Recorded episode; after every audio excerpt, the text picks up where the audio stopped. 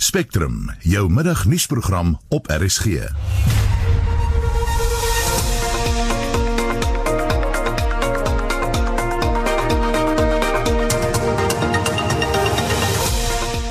In die program honderde werknemers betoog buite die SAIK teen die beplande afleggings, maar is hulle besig om onredelik te wees? Ons praat daaroor. Die polisie en betogers stamp kop in Brackenfell in die Wes-Kaap.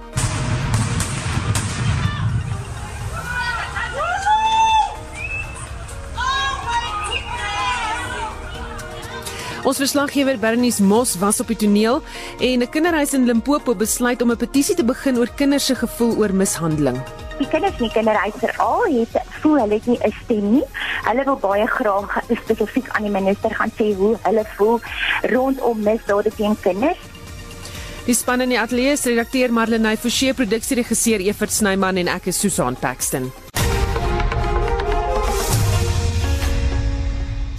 Presies 10 minute oor 1 jy luister na Spectrum. Die Suid-Afrikaanse Redakteursforum oftewel SANEF het vanoggend met die SAIK se bestuur vergader oor die beplande afleggingsproses. Die afleggingsproses is nou vir 7 dae deur die SAIK se direksie op ys geplaas na grootskaalse ongelukkigheid, veral in die nuusafdeling oor hoe die proses hanteer is. Dit was SANEF se adjunkvoorsitter Adrian Bason se terugvoer na afloop van die vergadering. Ons is volledig op hoogte gebring deur die SAIK bestuur oor die finansiële posisie van die openbare uitsaaier. Daar is geen twyfel dat koste besny moet word by die openbare uitsaaier nie. Dit was ook die boodskap van SAIK redakteurs in ons vergadering met hulle gister donderdag. Wat ons voorgestel het as SANEF is 'n mediasie, onafhanklike mediasie tussen die bestuur en die nuuskantoor van die SAIK om te kyk of hulle nie tot 'n vergelyk kan kom oor die proses vorentoe nie. Ons verstaan die frustrasie van redakteurs en joernaliste dat hulle voel hulle is nie genoegsaam gekonsulteer in die proses tot dusver nie. Ons het dit ook so oorgedra aan die SAIK se bestuur en vir hulle gevra om terug te gaan na die redaksie toe, na die nuuskantore toe, die struktuur te verduidelik en ook insette te neem van die redaksies en die nuuskantoor wat ons glo in die beste posisie is om hierdie insette te maak oor waar koste besnoei en bespaar kan word. Sanef het dit ook gehoor en benadruk dat die SAIK se salarisrekening heeltemal te hoog is. In die nuusafdeling is dit ongeveer 93% van die ganse begroting. Ehm um, en ons ondersteun enige pogings om die SAIK se finansiële posisie te bring tot op 'n punt waar dit volhoubaar is vir die korporasie om voort te gaan met sy belangrike mandaat om nuus en programme te verskaf aan die groot meerderheid van Suid-Afrikaners en dit was Sanef se adjunkvoorsitter Adrian Basson. Die afleggings wat tans by die SAIK plaasvind, is die foute van die verlede wat die instansie nou inhaal. Dis die mening van die afgetrede uitvoerende regisseur van RSG se nuusaktualiteitsprogramme, Futa Kriege. Hy sluit nou ook by ons aan om verder oor die kwessie te praat. Goeiemiddag Futa. Hallo Susan. Kom ons gaan 'n bietjie terug in die geskiedenis. Waar het hierdie begin? Ek dink dit is 'n baie baie lang uh pad wat jy moet terugloop as jy wil kyk waar dit begin het. Uh maar uh ek dink dit is verskeie foute wat gemaak is oor verskeie jare deur verskeie uh bestuurders. Ehm uh, ek sou praat oor die laaste paar jaar ehm um, waar uh Saudi Mutsaneng byvoorbeeld uh mense eens politieke redes aangestel om hom te omring om sy arms hoog te hou en te versterk by die SAIK. Uh daar is verskeie mense aangestel wat nie kundig was nie wat uh nie regtig 'n uh, funksie gehad het in SAIK nie. Dit is interessant ek toe uh, hier my vrou met my te praat ek vinne gaan kyk en ek het op um, uh, op 'n paar interessante goed afgekom. Uh wat my laat sê dat uh herstrukturering en personeelvermindering is is noodsaaklik by die SAIK. En as gevolg van historiese uh probleme en historiese uh uh optredes van mense. Ons sit nou met ek kyk nou die 2019 uh jaar verslag. Daar is 'n die uh hoof bestuur is daar 11 mense gewees is in volgens 2019 jaar verslag. Uh, jaar verslag. Dit beteken vir elke 287 mense by die SAIK is daar een hoofbestuurder. Senior bestuurders vir elke een senior bestuurder is daar 95 mense. En dan het sit ons 'n probleem met middelbestuur daar's elke uh, middelbestuurder vir elke 7 mense by die SAIK. Uh dan is daar snaakse uh, snaakse syfer uh, hulle noem dit toesighoudende vlak of supervisory level. Dat 1871. Nou ek sê dit net ek 20 jaar lank by die SAIK gewerk. Ek weet nie presies wat is 'n toesighoudende vlak nie. Uh wie is die wie val daar onder en wie werk daar onder? Maar is baie duidelik dat eersens is ons sit ons met 'n uh, uh, top heavy uh, uh SAIK en dan moet op 'n manier geherstruktureer word om by 'n punt uit te kom. Ehm um, ons sit met uh skuld wat wat gemaak is as gevolg van 'n hoë salarisrekening. Slaai moet sy nee daai het ek dink net 'n hofsaak terwyl hy daar was vir 20 22 miljoen spandeer.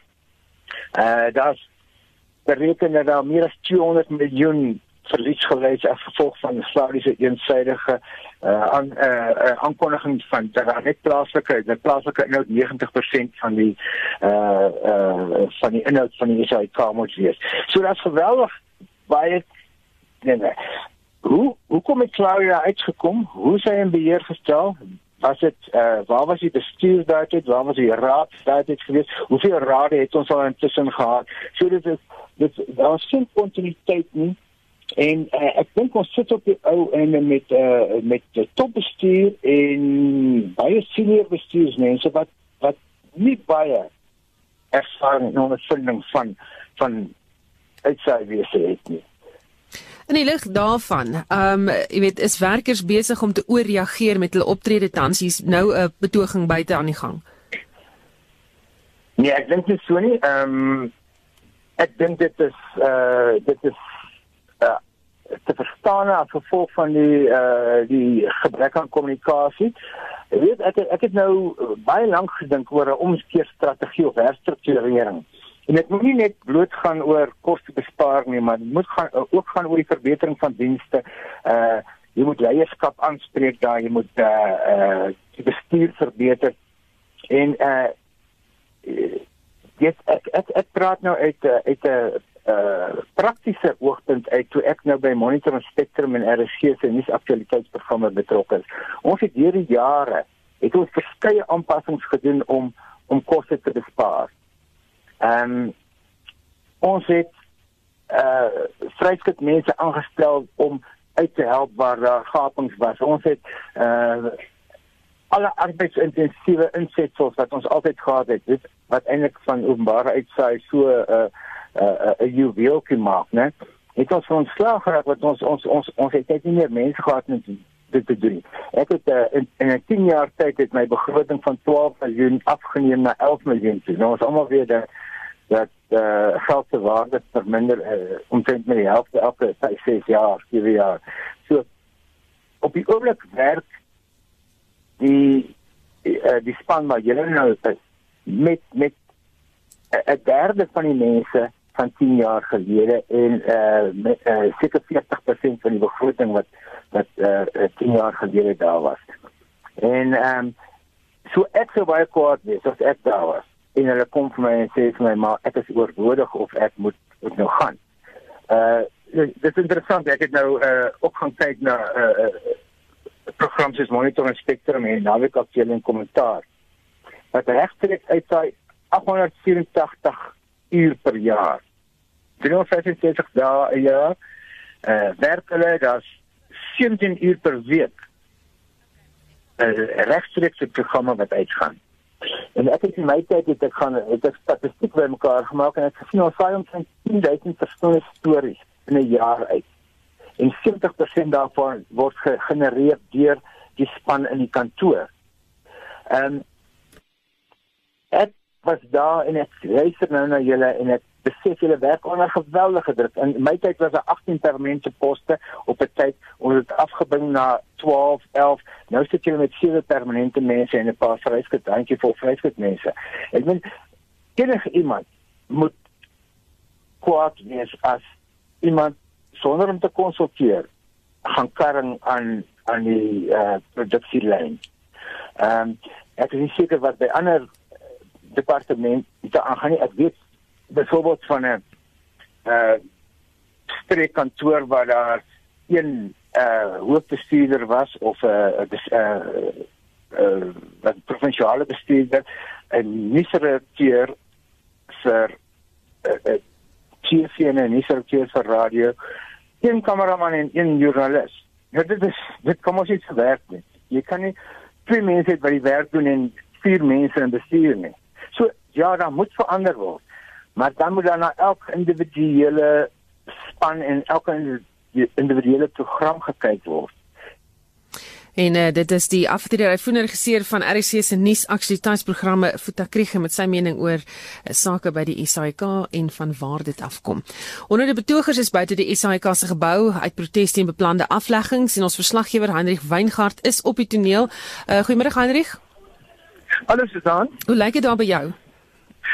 Dit is 'n straat vol mense wat protes aanteken van verskillende organisasies insluitende die ANC Costato die ANC jeugliga hier is ook heelwat studente van die nabygeleë kampusse van die Universiteit van Johannesburg en Wits Universiteit en uh, hier is ook mense met gewone lede van die publiek wat hulle steun kom wys aan die werkers van die SAIK wat geraak word deur hierdie afleggingsplan.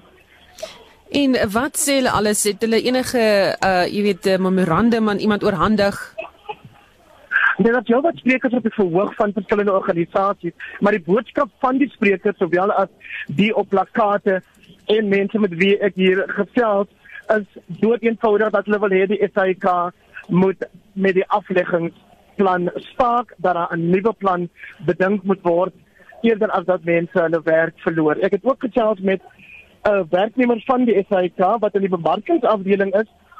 Sy bekommernis is dat hy reeds een van die mense is wat al die sogenaamde afleggingsbrief geteken het en hy weet nie wat sy situasie dan nou is as die proses nou tydelik in elk geval gestaak is ehm um, soos wat dit vandag op gisterand laat aangekondig is deur die SAIK raad nie en dan het hy die mening dat ehm um, die werknemers dalk te ontspanne wat in die tyd van Slaudi moet so ding toe hy 'n hele klomp mense onbehoorlik bevorder het en salarisse verhoog het en dalk het dit ook nou 'n uitwerking op die situasie wat in stand ervaar met die werknemer van die bemarkingsafdeling van die SAIK.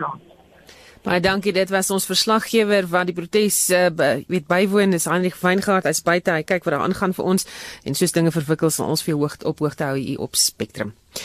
Die Abraham Kriel Kinderhuis in Modimolle in Limpopo sê hy is teleurgestel dat die polisie misdaadstatistiek nie spesifiek voorsiening maak om die misdrywe teen vroue en kinders uit te lig nie. In die lig hiervan het die Kinderhuis besluit om 'n petisie te begin wat hulle aan die regering gaan oorhandig. Hulle dring daarop aan dat die statistiek spesifiek uitgelig moet word. Die bestuurshoof van die Kinderhuis, Gerda van der Merwe sê daar is geen manier om die regering se strategie teen die tipe geweld te meet as daar geen maatstaf is om dit teen te meet nie.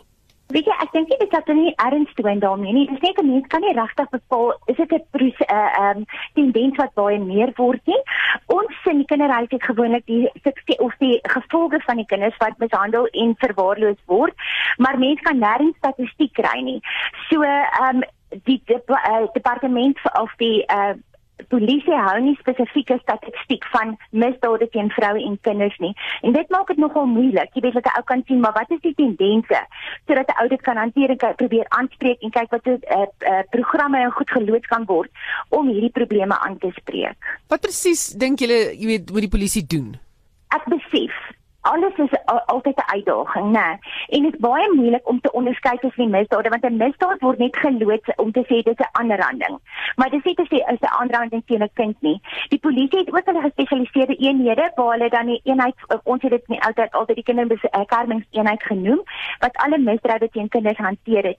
Dit was half maklik jy kon met hulle gesels het en gesê maar sê kon hoeveel sake het julle die afgelope tyd hanteer en dan kon hulle vir jou getalle gegee het. Maar as dit nou deesdae word by die polisie polisiekantoor gerapporteer. Die polisie hanteer nie daardie goed uh, of daardie aanmeldings dan om te sê dit was 'n misdaad teen 'n kind of 'n misdaad teen 'n vrou of 'n misdaad teen 'n man nie. Dit is net dit was 'n aanranding wat plaasgevind het. So daar is nie statistieke wat sê maar dit is net teen vrouens of net teen kinders nie. En dan is dit nogal moeilik vir jou as 'n maatskaplike werker om te sê maar hoor hierdie probleem is so groot.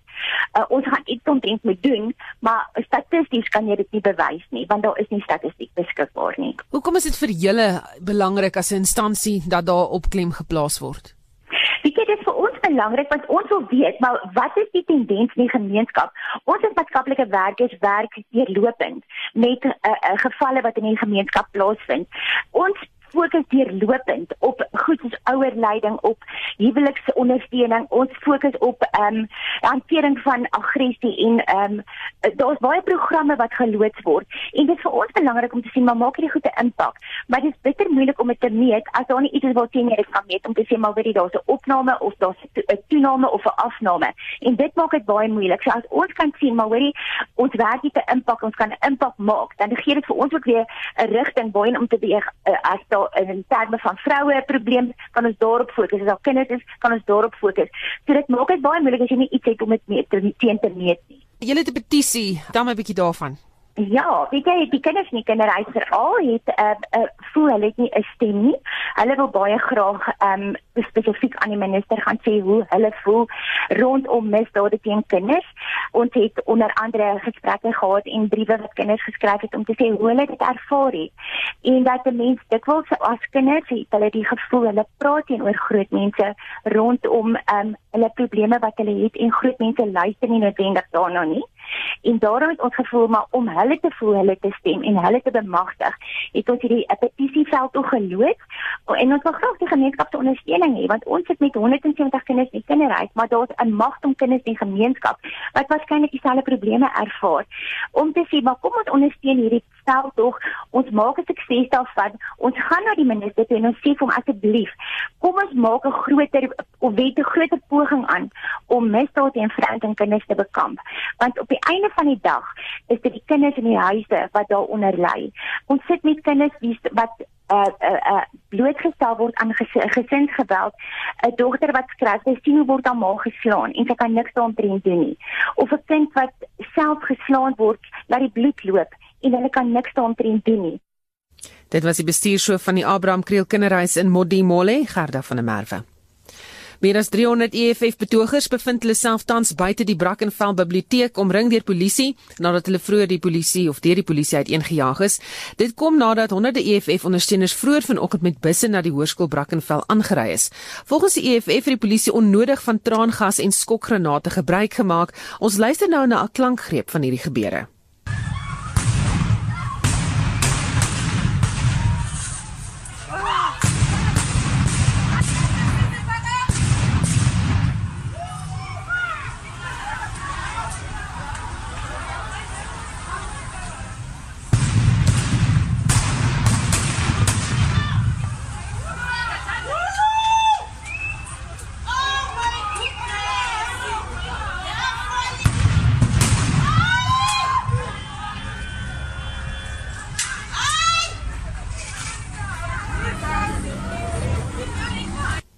Ons praat nou met ons SAK verslaggewer op die toneel Berenice Mos. Goeiemiddag Berenice. Ah, goeiemiddag. Wat het vroeg vanoggend gebeur toe die EFF by die skool opgedaag het? Well, yes, basically what the EFF event prevented from getting anywhere close to Brackenfell High School.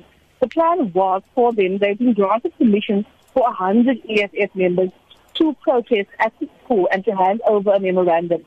However, hundreds of, of ESF protesters have arrived in Brackenfell to bring back into the area.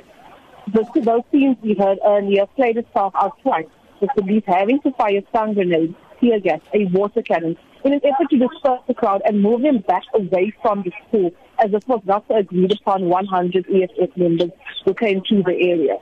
At the moment, the large group is seated um, a few kilometers away from the school um, a large police contingent, keeping them far away. They are in the middle of town, um, close to shopping centers. They, they refuse to move. Some of them are sitting on the ground singing, chanting songs. They holding up flags. They refuse to move from where they are. Um, police keeping a watchful eye over proceedings. Um, throughout the town, their roads are cordoned off. There's barbed wire in a number of roads preventing the AFF protesters from getting not only to the Brackenfell High School, but to the opposite side of the school where we have some community members that gathered there since early this morning as well. Nou wat het uh, of eerder het hierdie onderbrekings op enige manier die matriek eksamen ontwrig? Well, yes, matric learners have written their physical science paper 1 today. However, at the Brockenfell High School, students, um, the learners, were, uh, were at an undisclosed location off-site. So they were not at school today. The grade 8 to 11 learners, their exam has been rescheduled, so they weren't at school either. We've been here since 7 o'clock this morning. I haven't seen a single learner on site at all. Um, educators at the school have also left via a safe passage under the police guard from the school a short while ago also. So at this point in time, ESS workers is kept away from the school.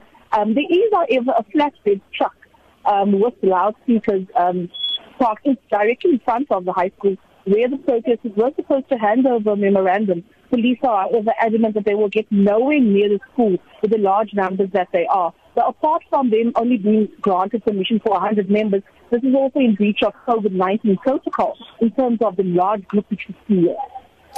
En hoekom is die EFF ondersteuners vroeër die polisie uiteengejaag met skokgranate? Well, this occurred because they were walking throughout the town, um, and the, the, the initial what they had applied for was to protest at the school. They, however, marched through the town, through the city centre in Brackenfell, some uh, a few meters away from the school, at shopping complexes, and yet to the Brackenfell Primary School. That is the siren of the Brackenfell Primary School, if you can hear in the background. Um, and they were not allowed to be in the area where they are. This is the public area. They, um, it's the main, it's Conradi Drive, which is quite a busy road in Brackenfell. There's um, a huge uh, supermarket, a number of supermarkets there, in fact. And for public safety, the police are trying to keep them away from the area. Die EFF sekretaris-generaal het ook die EFF-lede toegespreek. Wat het hy gesê? Well, he's been appealing for calm, um, asking them to to, main, to be to be calm um, and and not and not, sort of not to to clash with the police. Um, but they are adamant they are not going to leave. En het van het lede van die betogers en lede van die gemeenskap, uh, jy weet dalk met mekaar slaags geraak ook. Not at all. It's, it's on two opposite sides. Um, the EFS has been kept quite some distance away from the community members, which are um, on the opposite side of the Brackenfell High School. In between them, there's barbed wire, there's a police water cannon, there's there's a police helicopter hovering over it, law enforcement, um, police's um, a number of officers who keeping a watchful eye, not, not allowing those two groups to, to come to blows at all in an effort to prevent okay, Baie dankie, dit was ons verslaggewer op die toneel by Hoërskool Brackenfell by Denise Moss en soos jy kan hoor, is uh, ding redelik onstabiel daar om haar so ons hou dit dop. Jy luister na Spectrum elke weekmiddag tussen 1 en 2. Later in die program nagenoeg 20 vragmotors is gisteraand na berig word op die N3 R103 R23 en R550 in die Heidelberg gebied in Gauteng met petrolbomme aangeval en vernietig. Suddenly, out of the blue, the trucks were attacked. We don't know who the attackers were. There's no organization that claimed responsibility. And I doubt that they will because that would be an admission of guilt. Die konstitusionele hof het die week beslis dat huiswerkers nou van die vergoedingsfonds mag eis indien hulle by die werksplek sou seer kry of self sterf. En hul blyke stroom in vir die skrywer, digter en vertaler Christine Barkhuizen Leroux wat gister dood is, kort na 61ste verjaarsdag, bly ingeskakel. Daar is geen verkeer. In Gauteng staan 'n voertuig op die N1 suid net na die Bekloo wisselaar in die linkerbaan en dan soos ons nou gehoor het eh, in Brackenfell in Kaapstad is daar van die paai gesluit. Dit is rondom die hoërskool Brackenfell. Dan in KwaZulu-Natal was daar 'n botsing op die N3 oos net na die Otmanweg afrit regterbaan toe. Dit is jou verkeersnuus. Nagenoeg 20 vragmotors is gisteraand na berig word op die N3, R103, R23 en R550 in die Heidelberg area in Gauteng met petrolbomme aangeval en vernietig. Die aanvallers is onbekend en die polisie ondersoek die voorval. Heinrich Weingart het met Patrick O'Leary, bestuurende redakteur van die vragmotorbedryf tydskrif Fleet Watch hieroor gepraat. O'Leary verduidelik wat gebeur het. Suddenly, out of the blue, trucks were attacked. We don't know who the attackers were. There's no organization that claimed responsibility. And I doubt that they will because that would be an admission of guilt. But uh, trucks are attacked in different groups. It was a well coordinated attack uh, action. The trucks, by the way, were petrol bombed and burnt down to the ground, losing millions of rands. But on four different main routes, uh, the track started at about 10:15, which and they all happened at the same time, which means it was well planned and coordinated. It wasn't just a random service delivery protest where trucks arrived on the scene and they get stoned and looted. This was well planned and it was totally unexpected. Came as a surprise to everybody. Is die paaie nou weer oop en uh, is die polisie al met 'n ondersoek besig? Oh yes, the police were on the scene last night, but there was a lot of private sector uh, security companies there, tracking companies as well. It lasted for oh, till about I would say till about one o'clock, and then it moved towards Fort Lewis. The trucks uh, were the roads were closed. The tra- the roads are being opened now. The tow trucks are taking the wrecks away. Most of the roads are open, and I think the N3 is actually also open now. If not, it won't be long, and the last of the wrecks will be taken away. Wat dink julle behoort volgende te gebeur? The highest attention from government should be paid to this. This has been going on for ages. So I think the president needs to get involved because this is now serious. The truckers are getting very angry. The truck drivers are very scared. And I think this has to be taken up and a task team has to be formed. And I'm not, you know, I'm, I'm tired of hearing all these teams, but it has to be formed. Proper investigation. Who is responsible? Bring them to book and stop this nonsense because the trucks are the wheels of this economy. En dit was Patrick Aleri, besturende redakteur van Fleet Watch tydskrif van die vragmotorbedryf en hy het met Heinrich Weingart gepraat. Dit wil voorkom of die druk op Suid-Afrikaners se beursies weer effens verlig. Die jongste Momentum Unisa verbruikers finansiële kwesbaarheidsindeks vir die 3de kwartaal van die jaar toon dat die regering se besluit om meer ekonomiese aktiwiteite toe te laat gedurende die pandemie die gewenste uitwerking gehad het. Johan van Tonder, ekonom van en navorser by Momentum, sê dit beteken egter nie dat verbruikers nie sukkel nie. Ja, daar's 'n uh, klein bietjie goeie nuus, maar ehm um, dis ongelukkig nie voldoende goeie nuus nie. Die goeie nuus is dat die finansiële kwesbaarheid van verbruikers in die derde kwartaal skerp afgeneem het. Ons het van die tweede kwartaal af was die die indeksstelling was 35.4 en dit het opgeskiet na 43.5 toe. So dis 'n redelike groot styging want die 35.4 was die laagste syfer nog ooit in die geskiedenis van die indeks. So ons kon sien hoe groot die impak van die ehm um, ek het nou maar noem die Grendel tydperk was in die tweede kwartaal in die sin van dat mense dit op verskeie vlakke net nie kon oorleef nie en as ek nou praat van mense dan praat ek van die grootste hoeveelheid van verbruikers. So dis bietjie goeie nuus, maar ons sou uh, ons sal moet kyk wat gebeur verder vorentoe. Beteken dit dat daar 'n oplewing kan wees dat dat verbruikers minder onder finansiële druk gaan verkeer? Ja, verbruikers gaan beslis vorentoe onder minder uh finansiële druk veral, maar druk in die algemeen wees. Ehm um, as ons net kyk na die opheffing van die Grendel tydperk. Dit het in kwartaal 3 het ons gesien dat ons beweeg het van vlak 3 na vlak 2 na vlak 1 toe en ons is nou al geruime tyd steeds daar op vlak 1 maar die ekonomie het uh, verder oopgemaak as ek dit so kan stel met die dat ehm um, vir al jou toerisme sektor kan nou weer begin in bedryf kom. So ons kan sien dat nog meer mense waarskynlik dan terugkeer na hulle oorspronklike werke toe waar dinge vir hulle baie makliker gemaak, maar die impak van vlak 2 en ag vlak 5 en vlak 4 vir 'n hele kwartaal is was massief. Ons gaan ons gaan baie lank vat voor ons herstel van dit. Ja, wat ons gesien het is eintlik nogal verstommend want die die die vier SIP indeks is natuurlik jou inkomste, jou besteding, jou spaar en jou uh, skuldbetaling SIP indeks. Dit maak alles die groot uh oorhoofse kwesbaarheidsindeks uit. Ehm um, veral in spaarrekeninge. Ek uh, kon ons sien dat jou deposito's het nogal dramaties toegeneem selfs nadat die grendeltydperk verslap het. So uh, mense wat terugkeer na hulle werke toe en mense wat nog gelukkig was om 'n werk te kon gehad het se spaarvlakke het het toegeneem.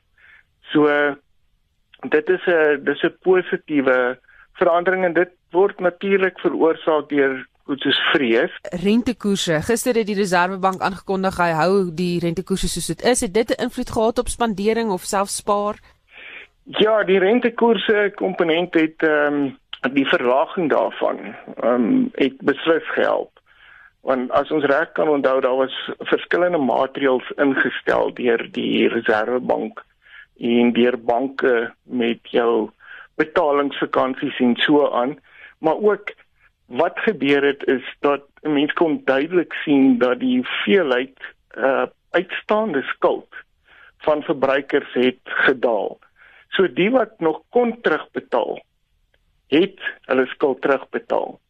En dit het daai terugbetaling, hierdie maak van nuwe skuld totaal en al oorskry. So jou totale uitstaande skuld vlak van verbruikers het gedaal uh as mens so daarna kyk. So dis ook waarom die skuldindeks verbeter het.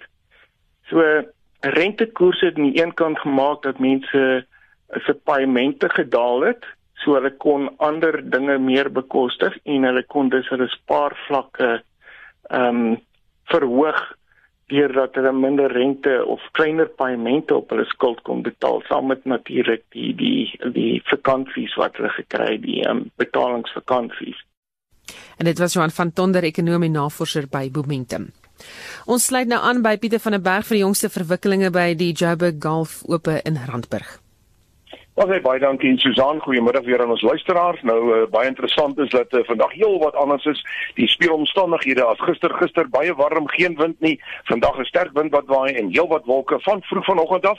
Eerste speler het reeds om 6:30 afgeslaan en uh, ons kan vir julle sê dat die tellings nie so goed is soos gister nie. Dit is uh, asof die speelomstandighede veral met die wind dit bietjie moeiliker maak vir die spelers. Maar 'n baie goeie ronde is vandag gespeel deur James De Pre en uh, hy het nie minder nie as uh, sewe voetjies aangeteken maar drie broue gehad. Dit beteken hy het 'n ronde van 400 gespeel en uh, dit is 67 en uh, net na sy ronde het hy so gereageer oor sy ronde.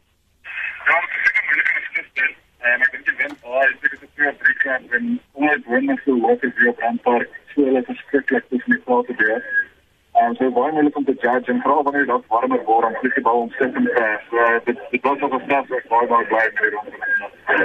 As ek kyk die afgelope twee rondes, waaroor is jy bly oor span doen? Ehm, om net te wees ek dink my mental game en my attitude. Ehm om te kyk na my resultate wat die afgelope 5 Maai wat het glad nie goed gewees nie. Dit is die ding wat ek dink ek uit daai vyf partye tot vat het is die game is ek het dit nie van dit is wat dit wil hê maar as ek kom op die regte plek is dan kan jy maar kan jy maar goed oppak en maar iets van Daar is hy dan die stem daar van die 25-jarige oue James De Pre en hy het 67 gespeel vandag. Kom ons kyk na die bopunt van die voorlopersbord.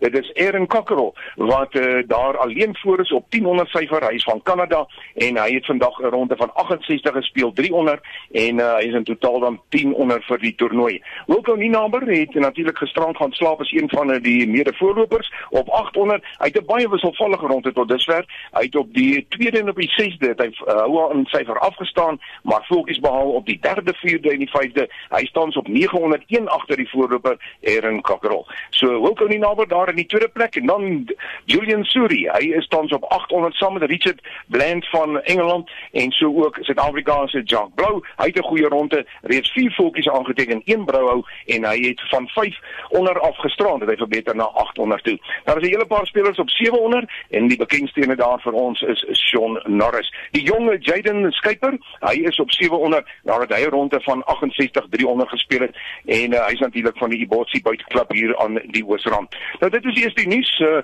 die voorlopers op 1000 syfer, Wilco Ninaber, hy's op 900 en net een nou agter Erin Cockrell. Ons gesels weer later in RSG. Susan, daarmee terug na jou in die ateljee. Baie dankie, dit was Pieter van der Berg met die jongste oor die golfnuus.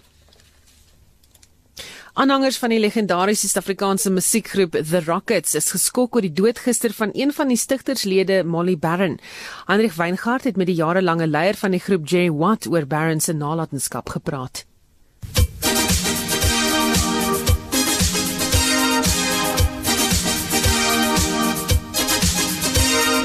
Never give up, never give up on you people. It's good to be back.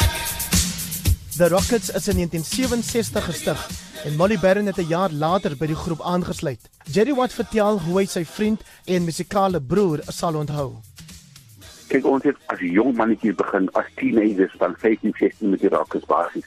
En en Molly was baie hy was so hy was driven en altyd ons almal op die Rockets wil as 'n household name gemaak het. Hy was so 'n vision. Molly was 'n drama of note. Altyd gesien om te watch sy dans speel because altyd met 'n smile face as as 'n professor. Hoe kan jy plaas met enige drama internationally of local drama en 'n goeie stem ook gehad? In later jare het Barron besluit om 'n solo loopbaan te volg. Teen daai tyd het hy reeds 'n onuitwisbare merk op the Rockets se musikale aanbod gemaak. Molly was 'n drama of note. Ek het altyd gesien om te watch sy dans speel because altyd met 'n smile face as as 'n professor. Hoe kan jy plaas met enige drama internationally of local drama en 'n goeie stem ook gehad? Die liedjie Thank You Thank You uit die vroeë 80er jare was een van die grootste treffers van the Rockets waaraan Barron help skryf het en ook saam opgeneem het. Kyk, enige artist, sonder sy fans, jy maar net sê en dit ons manier om dankie te sê vir ons fans al ewig van ons speel die hierdie song eers as 'n hit song vir nog vir vandag te speel. Op hierdie song, Thank You Thank You, the legends from the Rockets were myself, Jerry Watt, um, Biffy Valentine, Frank Brown, Bouncy Light, and of course, Sociale kan hoor, die drumming van Molly Barron. En hy was altyd 'n man met 'n kragtige voet op sy bassdrum en 'n good singing voice.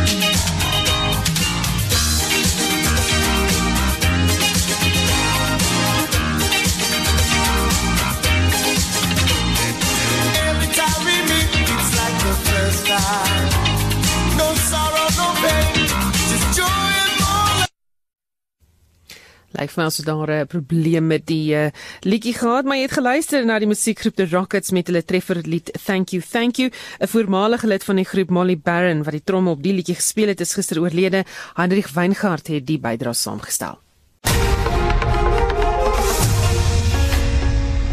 Bykans 1352 jy luister na Spectrum. 'n Grootskaalse soektog na 'n vermiste veldwagter in die nasionale kreer Wildtuin is steeds onderweg. Die 51-jarige Checkers Mashego het vroeër verdwyn terwyl hy op roetine patrollie was in die Stolsneck gebied. Die woordvoerder van die Wildtuin, Ike Pagla, sê daar is nog geen teken van hom nie. Sunparks today announced that there have not been any positive developments overnight on the tragic incident of Checkers Mashego, a field ranger who went missing on Tuesday, the 17th of November, in the Stores section of the Kruger National Park while on patrol. The search for his whereabouts is continuing with reinforcements from the South African police. The Sunparks Ranger Corps, the K9, Air Wing, and ECI units have been searching the area since his disappearance with no luck. His family is being updated on a regular basis of operations on the ground. Sunparks is appealing to those who might have information regarding Checkers Mashego to call the police central number of 10111 and they can remain anonymous or the Sunparks Major emergency numbers 013 735 0197 or 076 801 9679. En dit was die woordvoerder van die nasionale kreer Wildtuin Ike Pagla. Die konstitusionele hof het die week beslis dat huiswerkers nou van die vergoedingsfonds mag eis indien hulle by hulle werksplek sou seer kry of self sterf. Die hof het huiswerkers beskryf as helde wat onder die moeilikste omstandighede oorleef. Dis ook een van die enigste sektore wat nie toegelaat is om te eis nie sou hulle iets oorkom by hulle werkplek. 'n Senior regsgeleerde by maatskaplike of by die maatskaplike regte instituut vir Suid-Afrika, Tulani Nkosi sê hierdie uitspraak volg na 'n werker, Maria Mahlangu, verdrink het in 'n swembad van haar werkgewer. Thing it means is that uh, domestic work is important. Domestic workers are important. I mean, earlier on in the judgment, the judge starts by saying, by setting out a scene as to how, dom- as to what is the role played by domestic workers in, in, in, in enabling other people to pursue their careers. Dan sou werkgewers nie 'n bydrae tot die fonds te maak nie, maar Nkosi sê hopelik sal dit in die toekoms verander. Eventually, that's the point that we're going to get to. At this point in time, it's not so because the legislation has not been amended as yet. So what we think is going to happen now as a result of this judgment is at some point Parliament will have to amend the legislation, put in place regulations that will um, compel employers to make the necessary contributions. Nkosi sê ook dat mense kan aansoek doen vir vergoeding vir voorvalle wat voor die uitspraak plaasgevind het. In fact, the date set by the Constitutional Court for this retrospective application is 27 April 1994. And they did say that the ruling applies immediately. So what it means practically is that as from yesterday, any domestic worker that got injured at work as early as 27 April 1994 can in fact put in a claim for compensation under COIS. Dit was 'n senior regsleerder by die Maatskaplike Regte Instituut vir Suid-Afrika, Tulani Nkosi. Hulde Blyke stroom in vir die skrywer, digter en vertaler Christine Barkhuizen Leroux wat gister dood is kort na middernag op die dag van haar 61ste verjaarsdag. Volgens vriende en familie het sy in die Life Baby Hospitaal in Mosselbaai gesterf. Die oorsaak van haar dood is nog nie bekend nie. Anne Marie Jansen van Vuren het met kundiges gepraat oor haar nalatenskap tot die Afrikaanse literatuurbedryf. Woensdag aand op Christine Barkhuizen Leroux se 61-jarige verjaardag het Protea Boekhuis die roman Kom hier dat ek jou soen bekend gestel. Dit is 'n vertaling van die Vlaamse skrywer Griet op de Beek se roman. Verlede naweek, in aanloop tot die bekendstelling, het op de Beek vir SAK nuus gesê hoe beïndruk sy was met Barkhuizen Leroux se vertaling. It's so poetic. The Danish and the Japanese translation, I can of course not understand. You just have to hope for the best. But the Afrikaans version is something that I can actually read, and I think it's such a beautiful language. Slegs enkele ure na die boekbekendstelling is Barkhuizen Leroux donderdag in die vroeë oggendure oorlede. Skrywer en navorsingsgenoot by Stellenbosch Universiteit, Aziel Kutse, was die gespreksvoerder by die bekendstelling. Dit is met groot ontsteltenis en hartseer dat ek verneem van Christine se dood. Ek was gelukkig genoeg om Woensdag aan betrokke te wees by die bekendstelling van Christine se Afrikaanse vertaling van Vlaamse skrywer Griet op de Beek se roman. Dit is 'n pragtige vertaling waarin Christine se ongelooflike kundigheid en kreatiwiteit in die taal so mooi en kragtig weerspieël word. Christine se heengaan is 'n groot verlies vir die taal en die kultuur en natuurlik ook vir die mense rondom haar en ek dink aan haar familie en geliefdes in hierdie hartseer tyd. Barkhuizen Leroux was nie net 'n vertaler nie, maar ook 'n skrywer en digter in eie reg. 'n Letterkundige by die Universiteit van Johannesburg, professor Karen de Wet, sê sy sal onthou word vir haar innemendheid en die manier waarop sy empatie deur haar skryfwerk betoon het. Barkhuizen Leroux woon verskeie skryfskole by en debuteer 20 jaar gelede op die draai van die millennium met die digbundel Demensie by Ronnie Belcher se Suider College uitgewers. Na 'n suksesvolle Emma en kreatiewe skryfwerk by Etienne van Heerden volg haar eerste groot skryfdeurbraak 10 jaar later met die roman Padmaker. In die 10 jaar sedert demensie het sy egter nie stil gesit nie. 'n Tweede digbundel, Roset, waarin die Phaistos steen ondersoek word en 'n bundel kortverhale waar koek en wyn ontbreek, verskyn by Lapa. Sy was 'n nuuskierige, meelewende en kreatiewe mens wie se navorsing in die Nederlandse poësie bekroon is met 'n Emma graad met lof behaal. De Wet het een van Barkhuizen Leroux se gedigte, Laaste Wal, gepubliseer in die bloemlesing Vers en Vrou wat in Junie hierdie jaar verskyn het. Volgens De Wet het Barkhuizen Leroux nooit geskroom om omstrede onderwerpe in haar werk aan te pak nie, onder meer godsdiens en seksuele uitbuiting. Haar roman, Drie Klawerblaar, is ook onlangs op RSG voorgeles. Ek is Anne Marie Jansen van Vuren vir SAK nuus. En net so voor ons groet, ek sien 'n luisteraar sê daar was 'n groot haalstorm in Drie Riviere Vereniging. Ehm um, dankie vir die laat weet as jy daai omgewing is, jy's dalk op die paaie en dis nat, wees nou maar versigtig. En ek sien Lucy Klaan sê in Kraaifontein gebied dis die sein 'n probleem, dit gaan weg al om 'n uur. Ehm um, ons het dit aangemeld Lucy, ons hoop hulle gaan dit vinnig vir jou kan regstel dat almal daar kan luister. Ons groetnames is waarnemende uitvoerder geseer Wesel Pretoria, ons redakteur Marlene Forsie en ons produksieregisseur Evert Snyman. Ons medewerkers vandag Anne Marie Jansen van Vuren en Heinrich Weingart. Ek is Susan Paxton. Geniet jou naweek.